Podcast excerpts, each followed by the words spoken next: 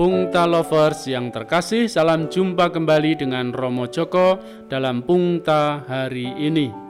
Selasa biasa ke-29 diambil dari Injil Lukas bab 12 ayat 35 sampai 38. Renungan kita berjudul Hamba yang berjaga. Siapa tidak mengenal Raja Minyak Amerika John Davison Rockefeller. Ia menjadi orang terkaya dan miliarder pertama di dunia. Ia menguasai perusahaan penyulingan minyak terbesar di dunia dengan Standard Oil miliknya.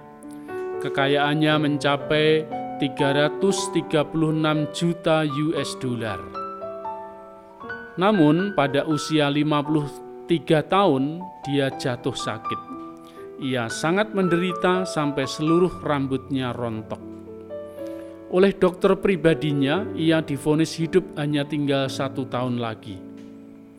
Waktu terasa berjalan sangat lambat. Waktu berjaga-jaga menjelang kematiannya, di suatu pagi dia tersadar bahwa kekayaan yang dia miliki tidak akan dia bawa waktu mati.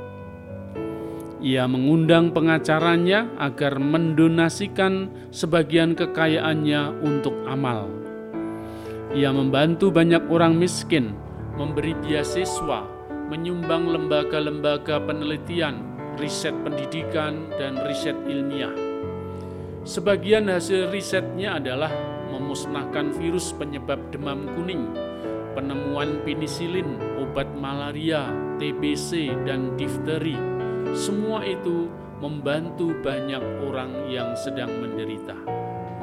Ia mendirikan Chicago University, Rockefeller University, dan mendanai Central Philippine University.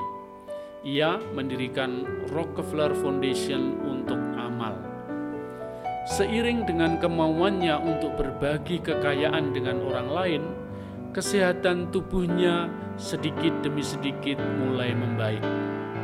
Waktu berjaga-jaga selama satu tahun itu dia gunakan dengan berbagi harta yang dia miliki. Waktu berlalu dan vonis dokternya pun ikut berlalu. Ia semakin bersyukur dan terus berbagi. Umur yang sudah dipatok hanya sampai 53 tahun, dia bisa lalui sampai 98 tahun. Ia terus berjaga-jaga dengan melakukan kebaikan kepada semua orang sampai Tuhan menjemputnya. Pungta lovers yang terkasih, Sabda Yesus kepada para murid mengajak mereka untuk berjaga-jaga. Hendaklah pinggangmu tetap berikat dan pelitamu tetap menyala, Berbahagialah hamba yang didapati tuannya sedang berjaga ketika tuannya itu datang.